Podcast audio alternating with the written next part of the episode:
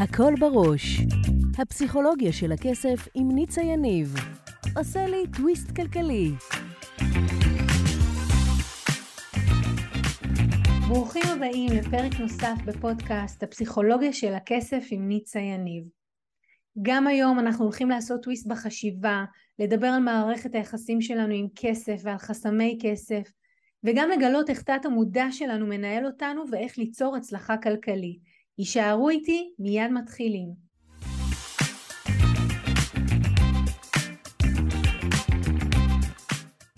והיום יש לי אורחת. ברוכה הבאה, תמי. תודה שהזמנת אותי. תודה שאת כאן. ואני מארחת היום את תמי זייף. תמי היא מאמנת ומרצה משפחתית ליחסים טובים יותר. ותמי היום תאפשר לנו הצצה לתת המודע שלה, למודע שלה, לסיפור האישי שלה, ברוב נדיבותה, כי זה לא מובן מאליו. והנושא שהיום אנחנו הולכות לדבר עליו הוא לא נעים לי לבקש מלקוחות את התשלום שמגיע לי. או מה קורה שם כשאני באה לבקש את הכסף בתום שירות, או בכלל כשאני מציעה מוצר או שירות ל, אה, ללקוח, שגורם לי לעשות, מה זה קיבוץ? מה המילה? אה, מין חוסר נעימות כזאת, אה, לגרום לצד השני להוציא הרבה כסף. ממש. אז רגע לפני שאנחנו קופצות ומדברות על, על כל זה, ובאמת נלך אחורה ונראה איך הכל התחיל, אני כן רוצה להגיד שני דברים חשובים. האחד, שאני לא מכירה אף בעל עסק שאין לו את זה. גם הכי, אני אקרא לזה בשפה בעגה, מעזרי כרישים, שאין להם בעיה למכור, יהיו את הרגעים האלה כשהם יבקשו סכום מסוים או יבקשו תשלום, שיהיה להם איזשהו כזה בפנים. נכון, תמי? כן, כנראה שזה לא רק הבעיה שלי. ברור, זה לא רק הבעיה שלך, ואת יודעת מה, אני לא יודעת אם זה בעיה, זה איזשהו משהו שאנחנו... מחסום. אפשר להגיד, כן, מחסום שכולנו, מחסום. שכולנו לוקחים אותו איתנו. זה הדבר הראשון שרציתי לומר לפני שנתחיל ונצלול. הדבר השני, זה אני רוצה רגע להגיד משהו על תורשה כלכלית, כי קיבלנו המון המון תגובות, במיוחד אחרי הרעיונות האחרונים, אה, אחרי, נקרא לזה טיפולים, אימונים האחרונים על חסמי כסף, ושאלתם אותי אז אם אני יכולה להגיד רגע כמה מילים על מה זה תורשה כלכלית, ואני אגיד בפשטות ש, שתורשה כלכלית היא סך כל הסיפורים, התנהלויות, חוויות טובות ופחות טובות שעברנו במהלך חיינו, גם מהילדות מבית וגם כשהתבגרנו. אה, וכשהתבגרנו זה יכול להיות משכורת ראשונה שקיבלתי, מקום עבודה ראשון שהיה לי, כן קנינו נכס, לא קנינו נכס, כל הדברים האלה מצטברים, והם יושבים לנו בקופסה מאחורה בתת המודע, והם מנהלים את קבלת ההחלטות שלנו. אז זאת הורשה כלכלית. אז אה, זהו, אחרי שככה עשינו איזשהו אישור קו, אני באמת רוצה להתחיל עם הסיפור האישי שלך, ואני אשמח שתספרי לנו, אפילו תתארי, אה, אולי אפילו אני אשלח אותך לאיזו סיטואציה ספציפית שהרגשת את האי נעימות הזו, ואני אשמח שתספרי על זה במילים שלך. תראי, מה ששמעתי בבית בעבר, כמו שדיברת על התורשה הכלכלית, זה, הייתי אומרת שאני בכלל הייתי צריכה להיות רק שכירה. וואו. כי, כי מה ששמעתי, מצד אחד, שמעתי הרבה דחיפה בבית להצליח. אז כל מי שאני היום זה בזכות ההורים שלי. והייתי אומרת שהיה לי אבא יותר דומיננטי בנושא הכלכלי, כי אימא לא עבדה. Mm. אבא שלי בעצמו היה אה, עצמאי, הוא היה חקלאי ברמת השרון, וכל פעם הייתי שומעת על הכאבי לב שלו, אם העונה הייתה טובה או לא הייתה טובה. השנה לא הרווחנו כסף, אנחנו צריכים לחסוך, אי אפשר לבזבז, וכולי וכולי. ובעיקר, מה ששמעתי זה לא להוציא כסף. Mm. זה מה ששמעתי בבית. לא לקנות, כי אנשים שרוצים שתקני מהם דברים, הם רק רוצים שתקני כי הם רוצים את הכסף שלך. זה לא באמת נחוץ. את צריכה הרבה לחשוב האם זה נחוץ לך. עד היום אני לא קונה כל כך בקלות. אני מבינה היום, גם אחרי שעברתי את הקורס אצלך, אה, הפסיכולוגיה של הכסף, זה שאם אני לא קונה, אני גם לא כל כך מוכרת. את הקשר הזה אני כבר מבינה. שזה קשר מאוד חזק כן. ולא מובן מאליו. נכון. תגידי על זה שתי מילים. אוקיי, אז לי זה ברור שאם אני לא מוציאה כסף, אז אה, זה ה mind שלי, אז אנשים גם לא יקנו ממני, ואני גם לא אהיה ראויה שיקנו ממני. למה? כי... כי יש את, יש את הקשר הזה, כי ברגע שאתה לא משחרר, אני חושבת, את ה mind הזה, אז אה, אתה תקוע. ואז אנשים... אתה מניח שגם כן. מי שמולך... בדיוק. היא מגיעה עם אותו תודה, אותה תודעה. האמת היא שזה עדיין כן, אני כן יוצר, יותר מוציאה כסף על עצמי, אבל אני נשארתי עם התודעה הזאת, למען האמת. שהתודעה הזאת אומרת, כן. למה שמישהו יוציא מהכסף אם לא בטוח שהוא צריך את זה. אז זהו, אבל מצד שני יש פה משהו, עלייה וקוץ בה. זה מקרה מעניין, ניצה. כי אני יודעת שמאוד צריכים אותי. כי אני עוסקת ביחסים מורכבים במשפחה. אנשים שיש להם כאבים מאוד חזקים בעניין הזה, אם זה יחסי חמות קלה, אם זה יחסים בין אחים ואחיות שלא מדברים. אנחנו עכשיו נמצאים לקראת חג הפסח, כל החגים שבאים אלינו. זה נושא מאוד מאוד חשוב. אני חושבת שהרבה מאוד אנשים היו מוכנים לשלם המון כסף בשביל שאני אפתור להם את הבעיה הקשה הזאת, שאין להם קשרים עם, עם, עם המשפחה הקרובה אליהם, המשפחה הגרעינית שלהם. אז אני במודע ובתת מודע יודעת שהשירות שלי הוא מאוד חשוב, ואני יודעת שהוא שווה הרבה. כלומר, יש לי ערך עצמי גבוה. אז רגע, אז בואו בוא נעשה את זה לפי סדר. Okay. אוקיי. אז נחזור רגע לתחילת השיחה, ובתחילת השיחה אמ, ביקשתי ממך רגע לשתף את הנקודה הזאת שבה את פונה למישהו ומבקשת את התשלום, ולפתוח לנו צוהר לאילו מחשבות מתחילות להציף את המודע שלך, כשאת okay. כן. מבקשת ממישהו שהוא ישלם. אז רגע, רק רציתי להגיד שכמעט ולא נתקלתי אף פעם שמישהו אמר לי שזה יקר או ביקש הנחה. אז זה קודם כל, חשוב לי להגיד שזה רק שלי. ברור, זה רק של... תקשיבו, זה רק שלי. כל השיחות האלה, כן. זה נקודה חשובה ותודה. כן, בדיוק. כל השיחות האלה שמתקיימות בתוכנו, בוא נגיד ש-98% מהן כי לעולם יהיה את האחד הזה שיחשוב שהמחיר שאתה מציע הוא יותר מדי בשבילו, אבל זה, זה בוא נקרא לזה, זה בתחום הסביר. נכון. על כל מוצר היום או שירות, יהיה את המישהו הזה שזה מתאים לו, מישהו שחושב שזה זול, ומישהו שזה בדיוק יושב לו בול לכיס. זו לא השיחה. וזו okay. אוקיי. נקודה והערה מאוד חשובה. נכון. השיחה היא באמת, וכאן אנחנו צוללים ונכנסים למאחורי הקלעים של הראש שלנו, של התודעה, בשביל להבין מה באמת מתנהל שם. אז רגע, רגע תשתפי ובאמת, אני לא סתם התחלתי ואמרתי לך, תודה שאת פה לכל כך הרבה בעלי ובעלות עסקים שמתמודדים בדיוק עם אותה תופעה.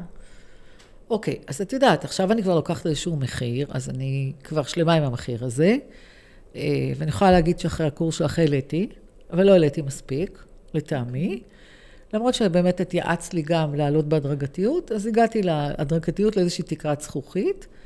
והייתי רוצה לקחת יותר. אז מה שעולה לי בראש, שאם אני אקח יותר, אז אולי הלקוח יברח. אולי הוא יגיד לי, יקר לי, מה שאני לא שומעת בכלל. אבל עדיין זאת השיחה הפנימית. בדיוק, השיחה הפנימית שלי,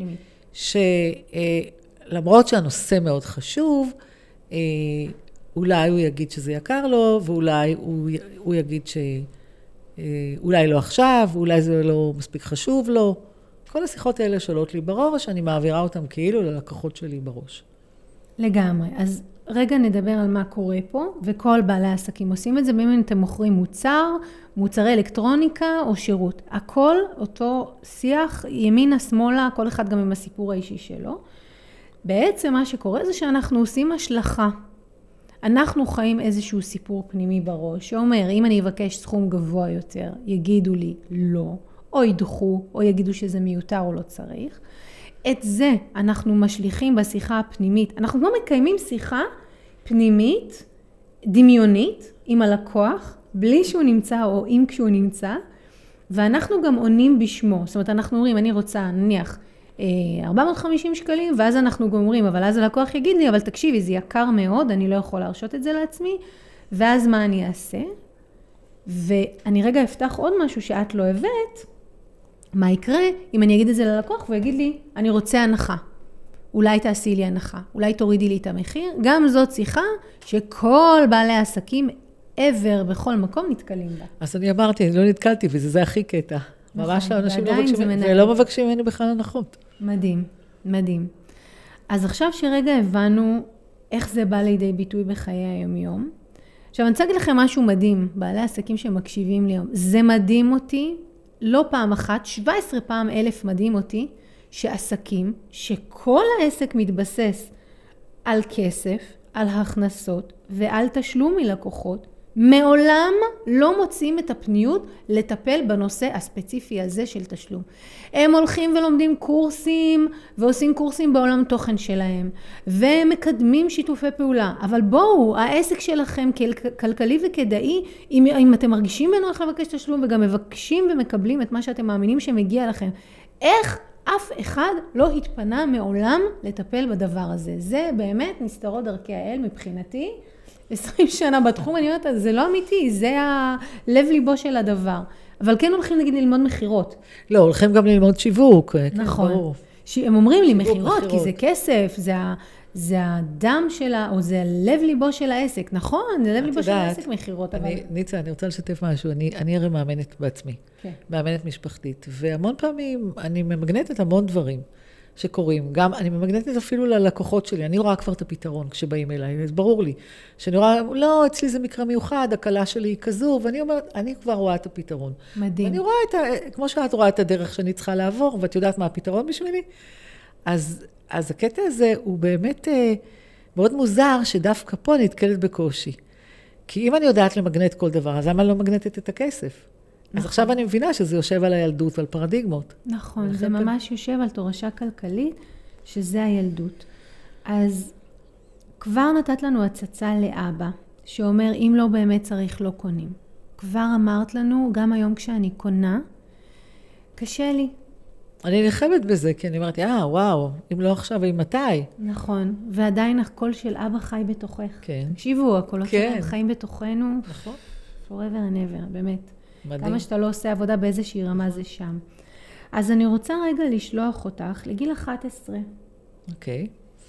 אה, ואני אזמין אותך אה, לחזור למאורע, לדעתי סביב פסח, בגיל 11, אולי 12, לאיזשהו מאורע, אולי עם אבא, שקשור בכסף, ואינטואיטיבית אם עולה לך משהו. תראי, גיל 12 זה בת מצווה, אז דווקא... אני זוכרת את הבת מצווה שלי. אה, את יודעת, אני ככה באה ממשפחה ספרדית שאוהבת לשמוח, ומשפחה, אני לא סתם מאמנת משפחתית, כי משפחה זה דבר שהוא נורא חשוב לי. ואת יודעת, אה, תמיד הנושא של אוכל ומסיבות ושפע היה קיים שם. אז אני לא יכולה להגיד לך ש...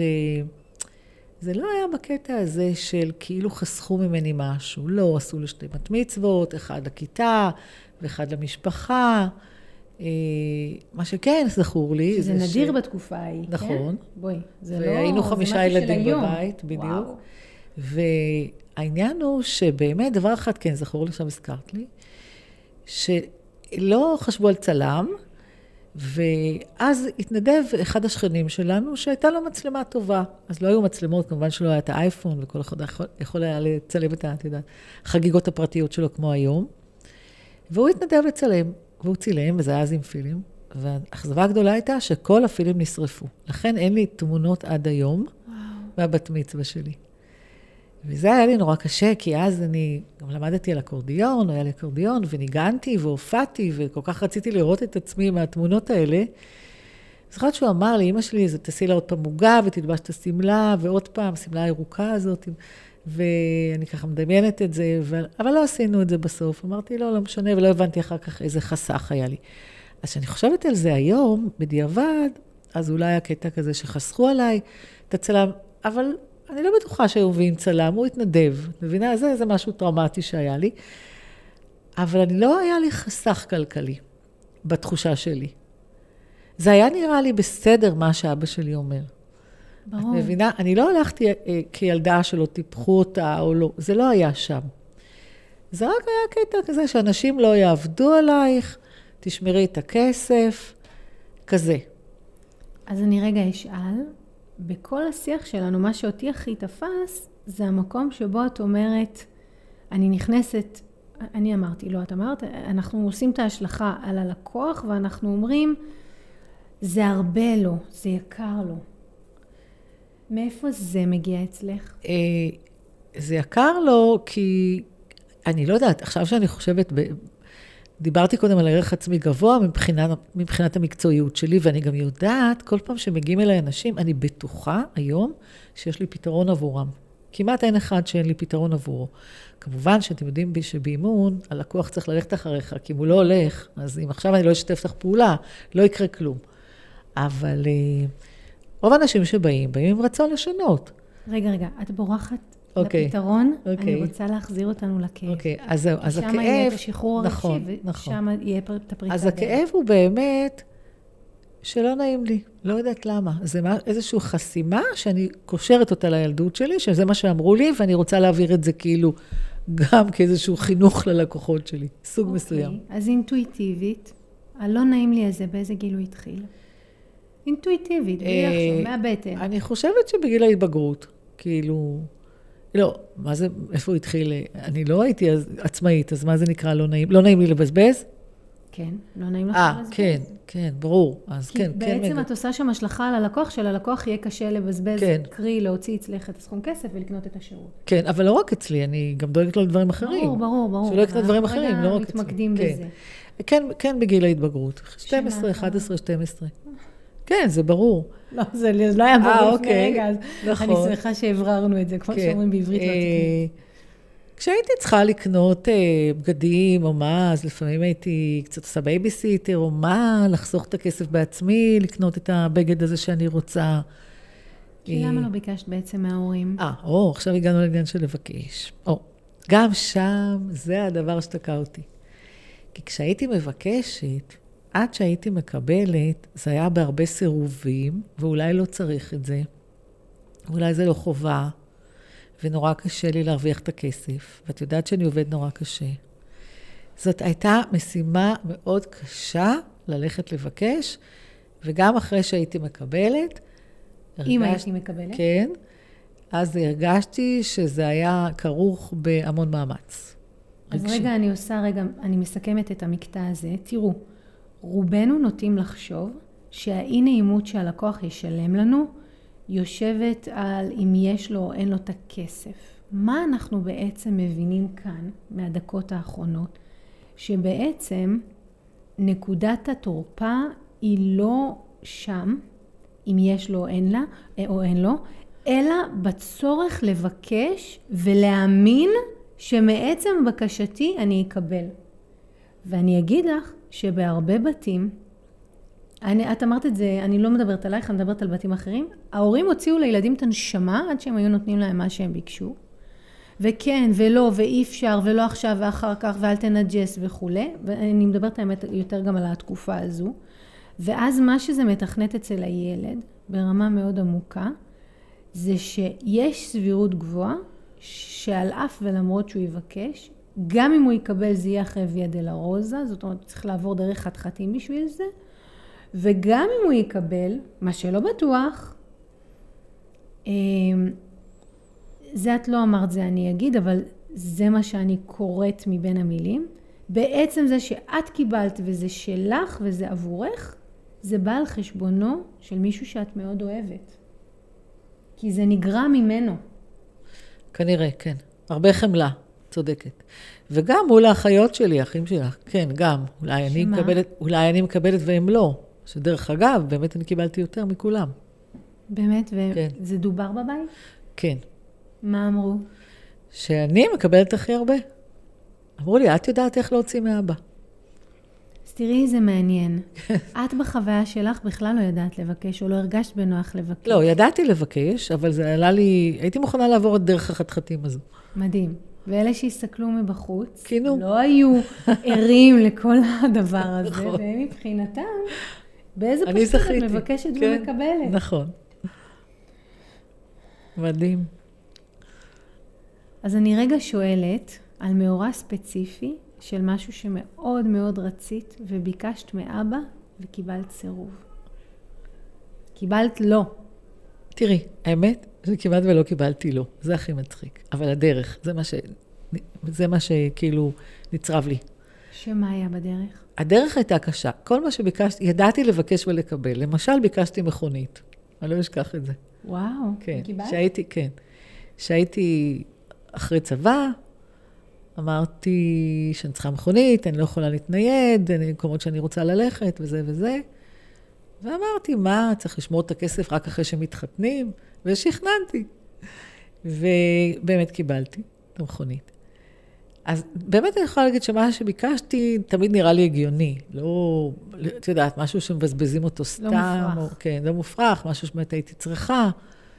האמת היא שהיום ילדים מבקשים מכונית כבר בגיל, ברגע שמקבלים רישיון, בגיל 18, זה נראה להם ברור.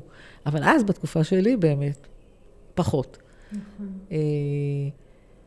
אבל אה, לא יכול, אני אומרת לך, אני לא זוכרת חוויה שאמרו לי לא ולא קיבלתי. מעניין. רק הדרך הייתה לי קשה, וזה נצרב לי לדעת... תאית. כן, לדעת לסנן מה לבקש באמת, הגיוני. Mm. למדתי לבקש, את יודעת, גם אחר כך, נורא מצחיק, כשהייתי מבקשת, נגיד במקומות עבודה, אני זוכרת, אני הייתי יוצאת חינוכית בתיכון. וכשהייתי מבקשת אה, משהו ממנהל בית הספר, סתם, נגיד חדר, איפה תשב היועצת באיזה חדר? אז אחת היועצת אמרה לי פעם, לא יודעת איך את, אה, מה שאת מבקשת את משיגה. ואז אמרתי לה משפט, אני זוכרת את זה טוב, תראי, אני מבקשת דברים הגיוניים. אני לא אבקש לשבת באיזשהו חדר שנראה נורא טוב לי, שהוא רחוק מהשכבה למשל. Mm. צריך לבקש משהו שהוא הגיוני, שהוא טוב למערכת גם. אז זה ידעתי. מדהים. זאת אומרת שהילדה שהיית הבינה שכל עוד הבקשות שלהם בתחום הסביר, והן גם כן. מכבדות את המשאבים, ו... נכון. אני שומעת פה, את יודעת מה אני שומעת פה, תמי? ווין ווין. כן. שכל עוד הבקשה היא ווין ווין, זאת נכון, אומרת, אתה נכון. זוכה וזה בסדר כן, לך וזה נכון. סביר לך, ואני מקבלת את מה שאני רוצה, יש היתכנות, אולי תהיה שם דרך קשה, אולי זה לא יהיה פשוט, אולי זה לא יקרה ביום אחד, אבל זה יכול לקרות. נכון. אבל דברים שהם מתחום, מחוץ לתחום הסביר, מחוץ לנורמה. אין סיכוי, לכן גם לא ביקשתי. מדהים. מדהים. תגידי, ואיך את היום עם לבקש? האמת שזה נורא מצחיק, קשה לי לבקש. כי זה מצחיק, כי גם בנישואיי, השני... האמת היא שבנישואיים הראשונים בחרתי מישהו דומה לאבא שלי, בקטע הזה. והיה לי נורא קשה. זה הרבה פעמים קורה, כן? אנחנו כן. עושים שם אה, שכפול לצורך בדיוק, כתיבת סוף חדש, כן. בדיוק. אז נשואה פעם שנייה, וזה הרבה יותר טוב כמובן. אבל הבאתי את הדגם הזה, אני זוכרת בהתחלה, ואני זוכרת שבעלי אמר לי, תקני מה שאת רוצה, מה את צריכה לבקש בכלל? אז באמת הוא פתר אותי. אני לא צריכה לבקש. וואו. אני יכולה לקנות, אבל, אבל אז יש לי את הקשיים שלי. כי יש לי, כי זה עדיין בתוכי, אבל הוא לא אומר לי לא לקנות. אבל את עדיין בתוך השיחות כן. האלה עם עצמך. בדיוק, אבל זה לא קשור אליו. זה בגבול הסביר, בדיוק. זה לא בגבול כן, הסביר. בדיוק. בעצם, מה שאנחנו מבינות עד, עד עכשיו, זה שמה שקורה שם כשאת פונה ללקוח ואת מבקשת ממנו לשלם, שאת מנסה, זה לא במודע, ותראי אם את מתחברת, להיכנס לנעלה ולהגיד, האם הלקוח עכשיו יחשוב ש-value for money, השירות שאני נותנת, וממול זה הסכום שאני מבקשת, האם הוא בתחום הסביר למה שהוא רוצה להשיג? כי אם כן, הגיוני שהוא יגיד לי, בסדר. נכון, זה עבד ככה עד עכשיו. ממש, זה, זה המודל, ראינו את השכפול שלו, אבל הווה, לא סתם את אומרת, אני רוצה להעלות את המחיר, אבל כל עוד אני לא ארגיש במאה אחוז שזה בתחום ההגיוני, סביר, מתבקש, זה לא יעבוד אולי. זה לא יעבוד. בול. ושם אני תקועה. לגמרי. אז אנחנו, רגע לפני שנעבור לנושא הזה, שהוא הנושא השני בעצם שנגזר מזה באופן טבעי, אני רגע אגיד שמה שאת תיארת פה, נכון, יש לך את הסיפור הפרטי והילדות שלך, אבל יש את זה להרבה עסקים. כל עוד הסכום שהם מבקשים עבור השירות או המוצר הוא נראה להם בתחום הסביר, שהגיוני שמישהו ישלם, הם לא יחשבו פעמיים והם יאמרו את הסכום. אגב, גם אנשים שגובים הרבה, כמו טוני רובינס, לשעה או לחלקי שעה, כי הוא, המפגשים איתו יכולים להיות גם רבע שעה, הם באמת מרגישים שזה בתחום הסביר. כי התחושת ערך העצמי שלהם היא, מה שאני יכול לתת לך ברבע שעה או בחצי שעה הוא כל כך גבוה, שזה ממש בתחום הסביר. אבל זו איזושהי דרך שהם גדלים לתוכה. והאתגר של עסקים, אני רואה את זה כל הזמן, זה במקום שבו אני רוצה להעלות את המחיר, לשנות את התמחור, כל עוד זה לא יושב לי בול, אני אקבל הדהוד מבחוץ שאולי זה גבוה מדי, אולי יבקשו הנחה, אולי זה לא זה, ואז הרבה פעמים עסקים נסוגים אחורה. ואני אומרת לכל העסקים שצופים בנו, אם זה לא יושב לכם בול, המחיר שאתם רוצים להעלות אליו את השירות או המוצר, אל תעלו. באמת, אל תעלו. כי זה לא יתמוך בכם וזה רק אה, יפגע לכם בביטחון העצמי. אז אני רגע חוזרת למה שדיברנו. אז בעצם, הסכום שאת מבקשת היום, לא ניכנס לסכום, רק נדבר אבל באופן כללי. כן. הוא סכום שהוא נראה לך הגיוני. כן, אבל הוא, הוא נראה לי הגיוני, אבל עכשיו, אחרי שהעליתי זה נראה לי נמוך מדי. עדיין זה נראה לי נמוך. אוקיי. זה, זה בדיוק ההתפתחות שלי, אחרי הקורס שלך. הוא נראה לי נמוך. ועכשיו אני רוצה לעשות את הקפיצת דרך. אוקיי, אז מה צריך להיות, או מה יהיה הטווח או הסכום, שאם תעלי אליו, זה עדיין ירגיש לך מאוד הגיוני שמישהו ישלם סכום כזה. את יכולה להגיד את זה באחוזים אם את רוצה, או בסכום נוסף, כמו עוד 50 שקלים, ואז לא ניכנס אה, לסכומים. אני חושבת שאני אני הייתי רוצה להגיע ל-500 שקל, אני יכולה להגיד. אוקיי, מה שנכון. וכרגע אני לוקחת 350. ו-500 לא שקל. אוקיי. כן. והאם ב-500 שקל זה מרגיש לך שזה משהו שהוא הגיוני? אמ, זה הגיוני, אבל זה עדיין עושה לי פרפורים. אני מרגישה, אני מתכוונת. אני יכולה לקחת 400. את אמרת, באמת, את התייעצת לי לקחת אה, בקפיצות של 50. נכון. אמרתי לקחת 400. אני חושבת שב-400 אני ממש מרגישה אה, בטוחה. וב-450? בסדר. 500 קשה לי, ואני חושבת שאני ראויה. ברור, זה, זה ברור, ברור, אני גם בטוחה שהתוצאות והלקוחות. ממש. זה, זה האינפוט שהם מביאים. אה, תקשיבו, בסוף השיח הזה הוא רק שיח פנימי שלנו. נכון. בחוץ... אף אחד לא יודע על זה, ברור. לא, לא ער לזה. 400 okay. אוקיי. אני כבר יכולה לקחת. זה ברור שהלקוח הבא אני אקח 400, אני כבר שם. מהמם. זה אומר כן. שמשהו פה קרה כבר. משהו קרה, עוד כן, כן. אוקיי, אבל אם את רוצה את ה-450, מה אומרת... צריך לקרות בתוכך כדי שתרגישי שזה משהו ממש סביר? אני רוצה להגיד לך, לתאר לך מה קרה לי עכשיו באמת. טוב. היו לי הרבה כאבים עכשיו. נגעתי במה שנקרא בפצע הזה, זה לא היה לי קל.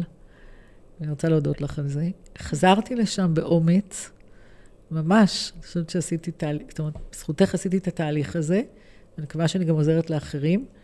זה נגע בי, כאב לי, ואני רוצה עכשיו ממש לשחרר את זה. אני חושבת שאני בדרך לשחרר את זה. ממש. אז מה שאלת על ה-450? מה הייתה השאלה? איך אני ארגיש אם אני אבקש? שאלתי, מה צריך כדי לשחרר מהילדה את החוויה תראי, בסוף יש שתי דרכים לגשת לפתרון. אני רגע אציג אותם. זה חשוב השאלה שלך. אוקיי. Okay. דרך אחת זה להגיד, תשאלי, תישארי בסכום או בתחום של מה שנראה לך סביר, ואז יהיה לך קל לבקש וגם יהיה לך הגיוני לקבל.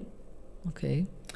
אופציה ב' היא ללכת מכיוון אחר ולהגיד, גם ואם החלטת שאת מבקשת יותר ממה שבאזור הנוחות שלך נראה לך סביר לקבל, מה צריך לתת לילדה שחוותה שם כל פעם באמת דרך חתחתים כשהיא ביקשה משהו שנראה לה מתחום, מחוץ לתחום הסביר, כדי לקבל את זה, כדי להאמין שיכולה לבקש את הסכום הזה, ועדיין מישהו ישלם את זה בלי שתעברי שם ויה דלרוזה. ובוויה דלרוזה מול לקוח זה יכול להיות שכן הוא הסכים על הסכום, אבל הוא לא מעביר את התשלום, אה, והוא משגע אותך, והוא מבטל ברגע האחרון, יכולים לקרות מלא סצנריואים, כן?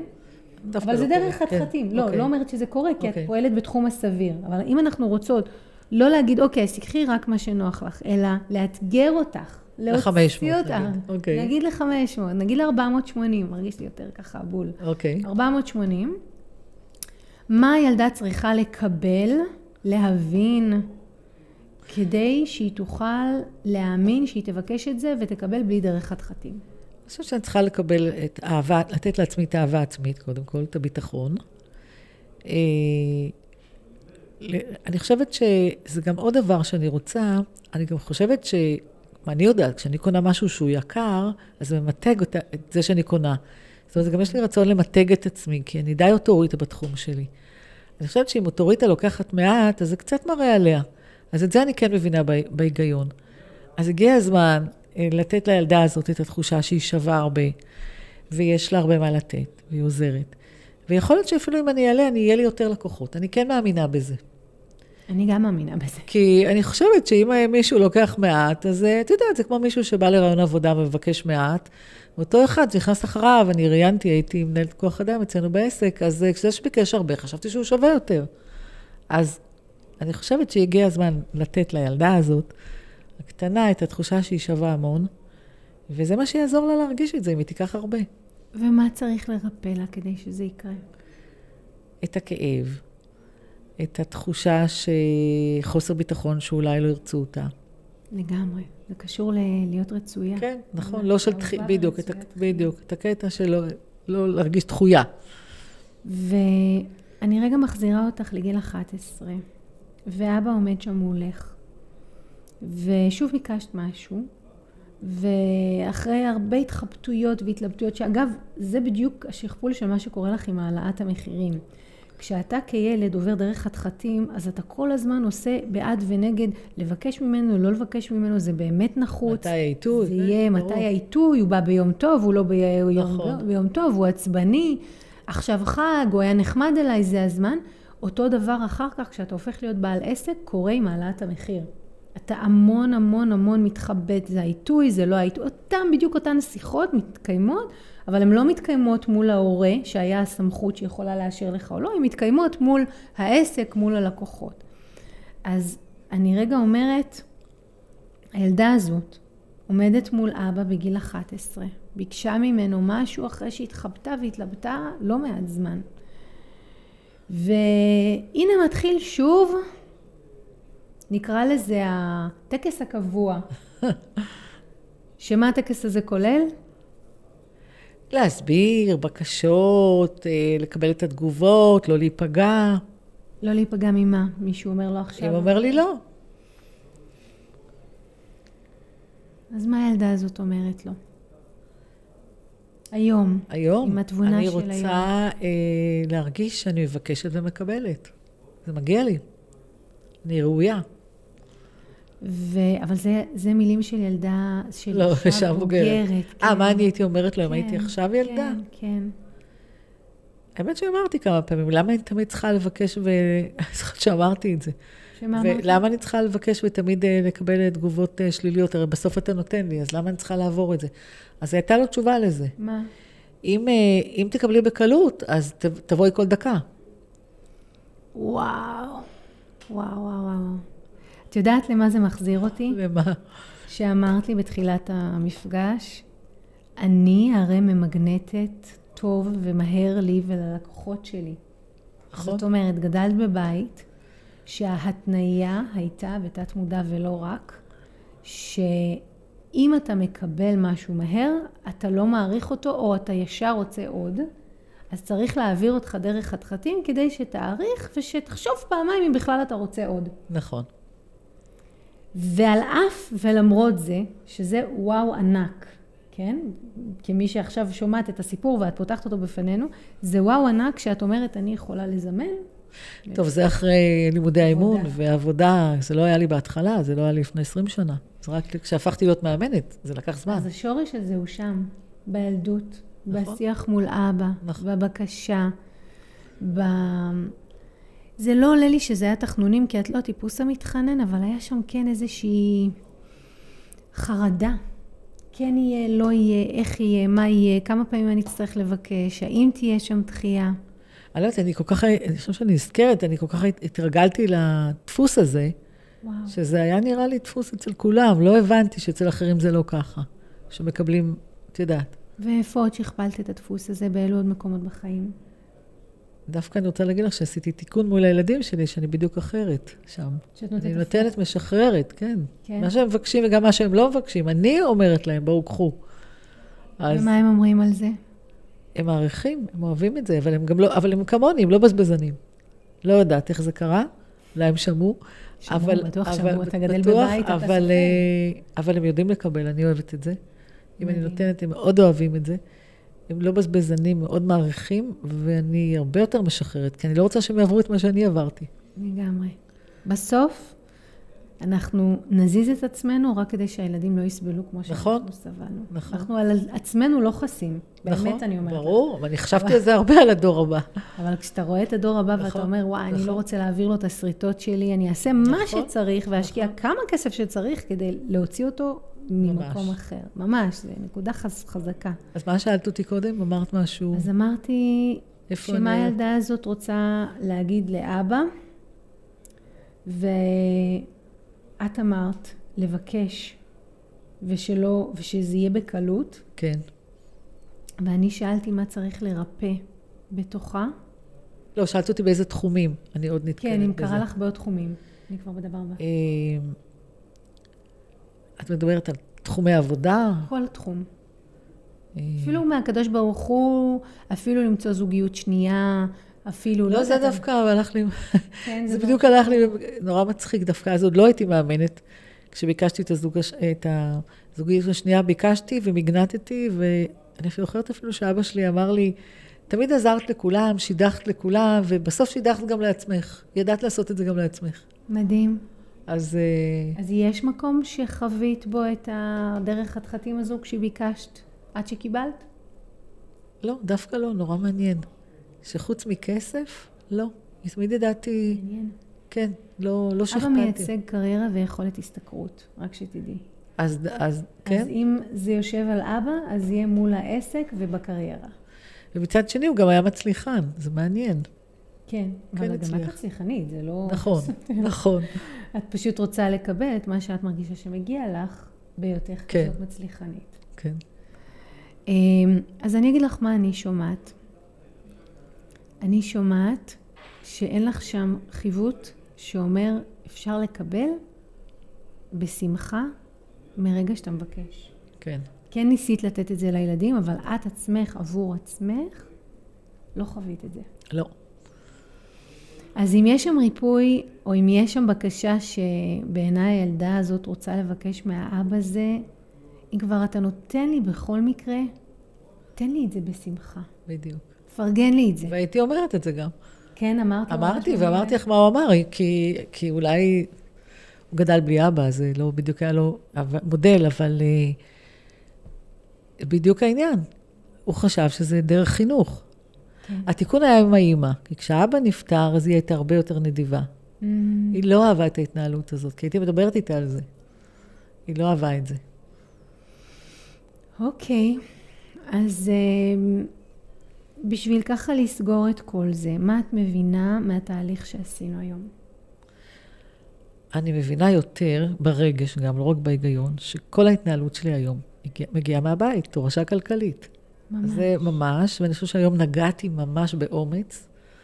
אני חושבת שרציתי, באתי מוכנה, כי אני חושבת שזה באמת יכול לעזור לאחרים, וזה גם יעזור לי, כמובן. לגמרי.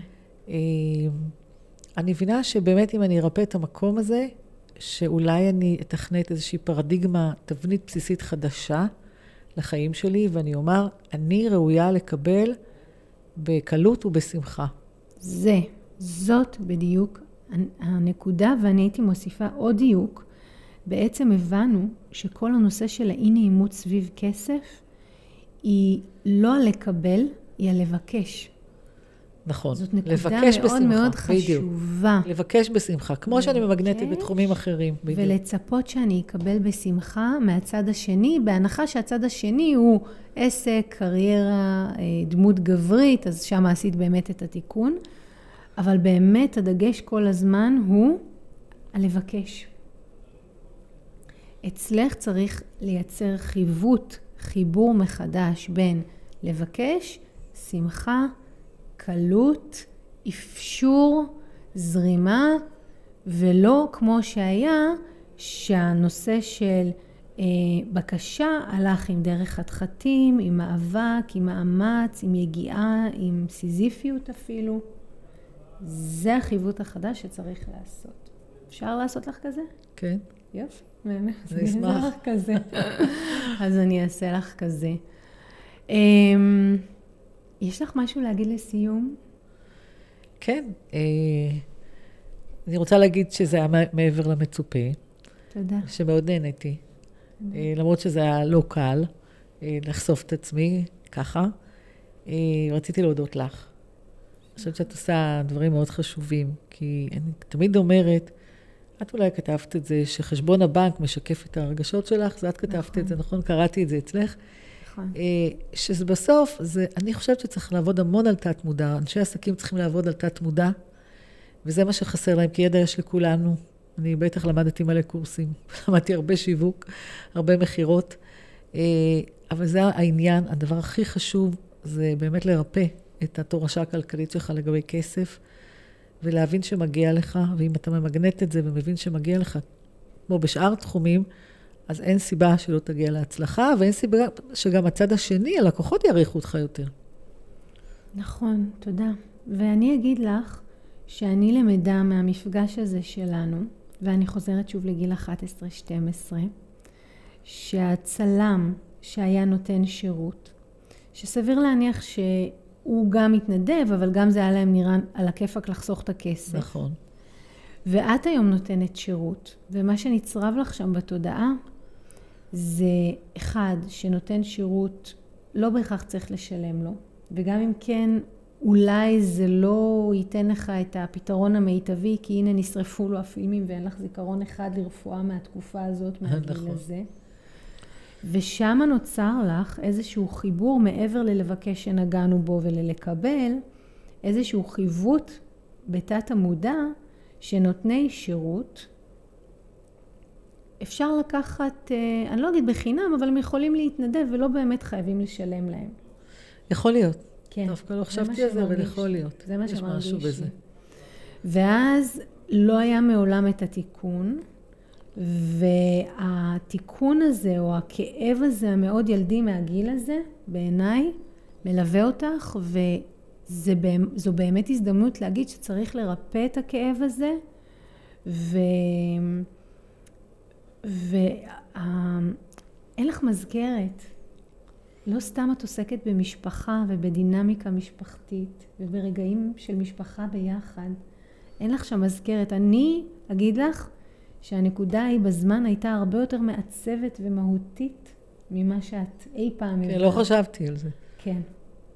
כי זה היה אמור להנציח את המשפחתיות, ואמרת, אנחנו משפחה שמשפחתיות מאוד חשובה לה, אז אין תמונות, אין זיכרונות, בעל מקצוע... אין לי בכלל תמונות מאז שהייתי קטנה, כמעט ואין לי. וואו, בעל מקצוע שלא נכון. שילמו לו, ואולי היה צריך... הוא לא היה בעל מקצוע, הוא התנדב סתם, הוא לא היה צלם. ממש ככה? כן, סתם חבר, כן. אז אה, כן, אז, אז זה בכלל עוד יותר מחזק את מה שאני אומרת. כן, אז אולי נכון, לא צריך לקחת בעל מקצוע, אפשר לקחת איזה שכן טוב, שיעשה לך אימון למשפחה, כן? או חברה צילום, טובה, צילום. כן, לפעמים אנשים אומרים, קחי חברה טובה שתדבר איתך על הבעיות עם אחותי. לא, בואי, היום... אין מה להשוות בין אני... זה לללכת למאמן. ברור שאני לוקחת אנשי מקצוע, זה ברור. אבל את מבינה כן, שזה כן, היה שם מסר כן. שעבר, כן. וזה החיווט, נכון. והילדה הזאת לימים הופכת להיות נותנת שירות, כן. שאומרת, אה, מי אמר, את אמרת לי, האם זה באמת... באמת משהו שהוא נחוץ להם, אולי זה מותרות. אולי זה מותרות לקחת צלם, אולי זה מותרות לקחת מאמנת. לכי נכון. דברי עם חברה, שהשכן יצלם את האירוע, שיוציאו את הפלאפון ויצלמו. תראי מה זה. ממש. איך דברים מהילדות שלנו מעצבים את ההתנהלות נכון. הכלכלית שלנו. נכון. אין לנו בכלל שמץ של מוצג והבנה שזה מה שקורה. נכון. מדהים. אז אה, כן, אז זה ככה איזושהי סגירה מאוד הרמונית לכל הדבר הזה. אמ, אני רוצה להודות לך שהגעת ושיתפת באומץ ופתחת צוהר והצצה לכל המאזינים שלנו, אה, לתת המודע שלך, ונגעת בנושא שכל בעלי העסקים מתמודדים איתו, כל אחד ברמה שלו. אה, במיוחד יש אה, טוב, אני לא אגיד את זה.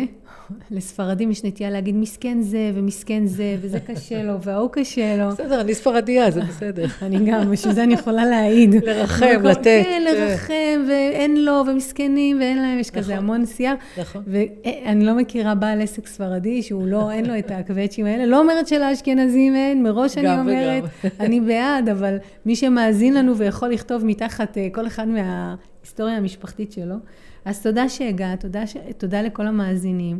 אה, לכל מי שצפה בנו, אנחנו נשמח לתגובה, אה, לשיתופים שלכם, אה, גם על הנושא הזה, גם על ההתמודדות שלכם איתו. אני אצרף את הקישור לאתר של תמי, שתוכלו לפגוש אותה ולהכיר אותה, גם לשאול אותה באופן פרטי וגם אם אתם רוצים לקבל ממנה את השירות המדהים שהיא מציעה.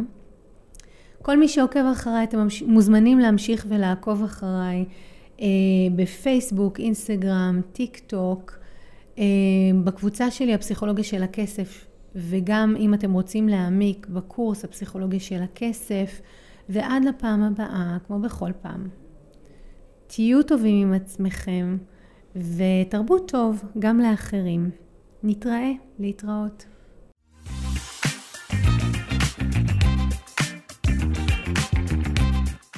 אם אהבתם את הפרק, שתפו אותי למה התחברתם, ממש מעניין אותי לשמוע. אם בא לכם ללמוד עוד על הפסיכולוגיה של הכסף, הנה המקומות שאתם יכולים להתחיל בהם.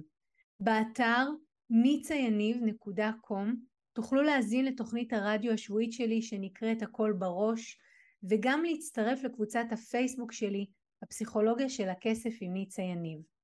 אם אתם עדיין לא עוקבים אחריי בפייסבוק, באינסטגרם או ביוטיוב זה בדיוק הזמן לעשות את זה.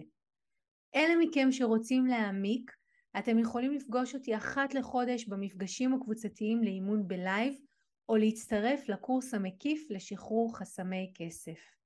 תמיד תזכרו, השינוי שלכם עם כסף מתחיל כאן, במקום שבו כסף ותודעה נפגשים. ניפגש בפרק הבא.